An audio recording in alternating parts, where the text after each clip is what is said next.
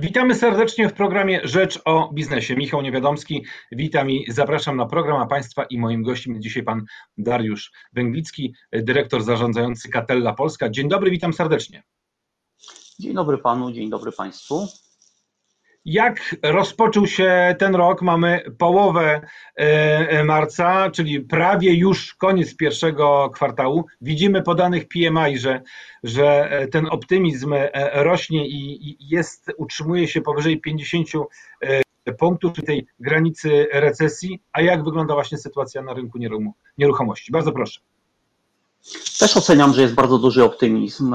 Jeżeli chodzi o sprzedaż, to E, jest bardzo dużo zainteresowanych sprzedażą i e, bardzo dużo podpisywanych umów, więc zapowiada się, że to może być bardzo dobry kwartał. E, czyli po tym poprzednim roku, który był dobry, aczkolwiek miał jeden kwartał de facto wyjęty ze sprzedaży, w tej chwili sytuacja wróciła do normalności. Raczej problemem może być ilość dostarczonych mieszkań przez deweloperów na rynek, gdzie ta ilość wydaje się, że jest mniejsza niż była pierwotnie.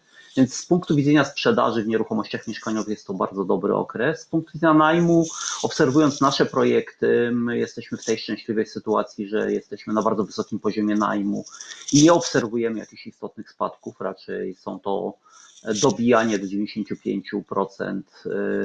Oczywiście inne są oczekiwania klientów i dużo częściej klienci pytają o rabaty, jak również wydaje się, że klienci chcą trochę większe mieszkania wynajmować ale generalnie e, oceniamy, że w samych mieszkaniach jest bardzo dobrze.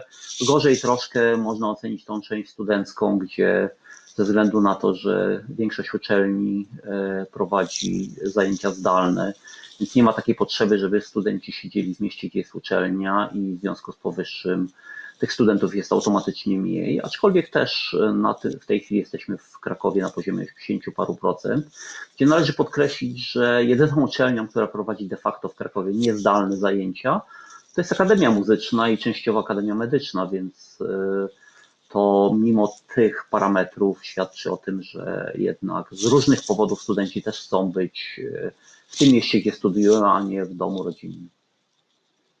No więc właśnie, bo jak zobaczymy na studentów, to ostatnio y, y, minister odpowiedzialny w Polsce za naukę poinformował, że studenci nie wznowią już roku akademickiego do końca e, czerwca tego roku, czyli dopiero jeśli w ogóle ma ruszyć nauczanie to zdalne, to dopiero ruszy w październiku. Czy to też w jakikolwiek sposób e, wpływa na e, e, obsadę w tych akademikach, czy też jest pewna grupa ludzi, która wyjechała ze swojego miasta do dużego ośrodka akademickiego i tam uczy się zdalnie, no i oczywiście pracuje, no bo wiemy, że masa studentów oprócz nauki zajmuje się też nierzadko pierwszą pracą, E, zarabianiem pieniędzy i na utrzymanie, czasami na opłacenie studiów, czasami na pomoc e, rodzicom. Więc e, czy wy też widzicie, że jest pewna grupa ludzi, która bez względu na to i tak wynajmuje i pracuje w tym ośrodku akademickim? Zacznę od tego, że my żeśmy przewidywali taką sytuację, bo obojętnie co powie ten czy inny minister, który może się pojawić za chwilę E, albo się nie pojawi, e, no to żeśmy zakładali, że w tym roku to już tak naprawdę mm, zajęć e, stacjonarnych nie będzie. Zresztą tak jak rozmawiamy i ze studentami i mamy kontakty z uczelniami, to one też twierdzą, że nie ma jakiejś takiej motywacji, żeby wrócić. Natomiast jeżeli chodzi o samych studentów, no to oczywiście jakaś niewielka ilość umów wygasła w lutym, no bo to jest takie wynajmowanie pokojów studenckich jest bardzo sezonowym zjawiskiem. E, czyli studenci wynajmują do końca lutego albo wynajmują do końca czerwca, czy tam na wakacje, więc jakaś część tych umów wygasła, ale bardzo niewielka. E, wygaśnie sporo na koniec czerwca, no ale z tym, żeśmy się liczyli, no bo zawsze wakacje są tym okresem, kiedy jest mniej, ale mimo tego jakaś część studentów zostanie, bo właśnie albo pracują, albo chcą e, po prostu być w dużym mieście. Nie chcą wracać do swojej mniejszej miejscowości, gdzie no to życie toczy się zupełnie inaczej, więc e, e, zakładamy, że od początku września będzie bardzo intensywnie ruszyć z najmem, natomiast e, jeżeli uczelnie wrócą do co najmniej trybu w części stacjonarnego, nie widzę jakichś problemów z wynajęciem, no bo dalej ta ilość miejsc w akademików jest dosyć ograniczona. W każdym większym mieście, oprócz tych akademików, które należą do uczelni Są tak naprawdę dwa, trzy, cztery akademiki należące do prywatnych inwestorów, a studentów jest od kilkudziesięciu tysięcy w miastach typu Wrocław, Gdańsk czy Kraków, aż do stu kilkudziesięciu w mieście typu Warszawa, więc jest duża przestrzeń jest dużo potencjalnych klientów. W ubiegły rok był takim czasem, kiedy bardzo dużo sprzedawało się działek. I to działek tych budowlanych, działek rekreacyjnych. Związane to było oczywiście z pandemią. Część y, społeczeństwa ta zamożniejsza uznała, że może warto byłoby mieć trochę miejsca gdzieś y, pod miastem, czy też na budowanie domu całorocznego i pracę zdalną właśnie z e, urokami przyrody, czy też jako miejsce, gdzie można wyjechać po to, żeby przez jakiś czas popracować, bo słyszeliśmy mm, o takich sytuacjach, wynajmują czy w Bieszczadach, czy na Mazurach jakieś, jakiś dom, jakieś siedlisko i tam właściwie e, pracują wtedy, kiedy była ta praca zdalna. Czy tego należy się spodziewać i w tym roku? E, dużego zainteresowania działkami, a co za tym idzie, wzrostu ich cen? Jak najbardziej tak. E, już w tej chwili e, praktycznie codziennie uczestniczę w różnego rodzaju spotkaniach na Teamsach czy w jakiejś innej formule elektronicznej i coraz częściej osoby, które biorą udział, to albo siedzą na Mazurach w swoim second home, albo e, na Wybrzeżu, albo w jakimś innym dowolnym mieście, więc to już niejako się utrwaliło na stałe, że ci spośród kadry menedżerskiej, głównie kadry menedżerskiej, którzy mają zarobki na pewnym poziomie, posiadają takie drugie miejsce zamieszkania i tam już e, w zasadzie przenoszą się nie na weekend, ale na tydzień albo dwa tygodnie i stamtąd pracują.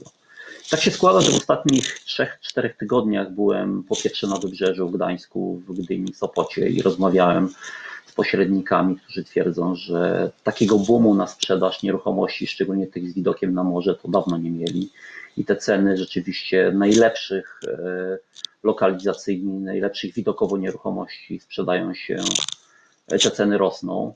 Jak również byłem w przysłowiowych Bieszczadach, e, zgodnie z zasadą, że kiedyś trzeba pojechać w Bieszczady i rozmawiałem też z lokalnymi pośrednikami i twierdzą, że ten boom jest coraz, coraz większy, że ceny rosną i że za chwilę przestanie E, czy zabraknie e, działek, które no, spełniają warunki zabudowy, czyli są, nie są w obszarze Natura 2000. Więc to jest takie zjawisko, które e, stanie się rzeczą normalną, że będziemy pracować z różnych miejsc, gdzie no, mamy ten komfort, że oprócz tego, że możemy się połączyć, to możemy albo pójść w góry, albo popływać na jeziorze. To się nie zmieni, te ceny będą rosły, e, pojawią się różne pomysły typu budowanie modułowe, czyli ktoś sobie zbuduje dom 50-70 metrów, ale z opcją rozbudowy o dalsze 50 metrów, bo dojdzie do wniosku, że potrzebuje więcej, więc tutaj inwencja będzie z całą pewnością ogromna. E, ludzie coraz częściej e, instalują fotowoltaikę, czyli oszczędzają na energii elektrycznej, to są takie normalne tendencje w, ta, w takich czasach. Każdy się skupił na tym, żeby to swoje drugie miejsce e, dopracować, żeby ono było bardziej funkcjonalne, żeby miało albo ten basen, albo bardziej energooszczędne e, oświetlenie. To jest e, standardowe zjawisko. Nawet w samej Warszawie i okolicy widzimy, że te projekty, które są w okolicach Warszawy sprzedają się bardzo dobrze. Oczywiście każdy obszar, każdy każda miejscowość podwarszawska ma pewne swoje granice cenowe i wiadomo, że 30 km od Warszawy nie sprzedamy e, domu o powierzchni 300 metrów za 3 miliony złotych, ale e, domy o powierzchni 100, 120, 140 metrów w cenie do miliona złotych sprzedają się dobrze. Dariusz Węglicki, dyrektor zarządzający Catella Polska był Państwa i moim gościem w programie Rzecz o Biznesie. Bardzo dziękuję za uwagę, bardzo dziękuję za dzisiejsze spotkanie, za dzisiejszą rozmowę. Do usłyszenia i do zobaczenia. Dziękuję bardzo i Panu, dziękuję Państwu i zdrowia życzę.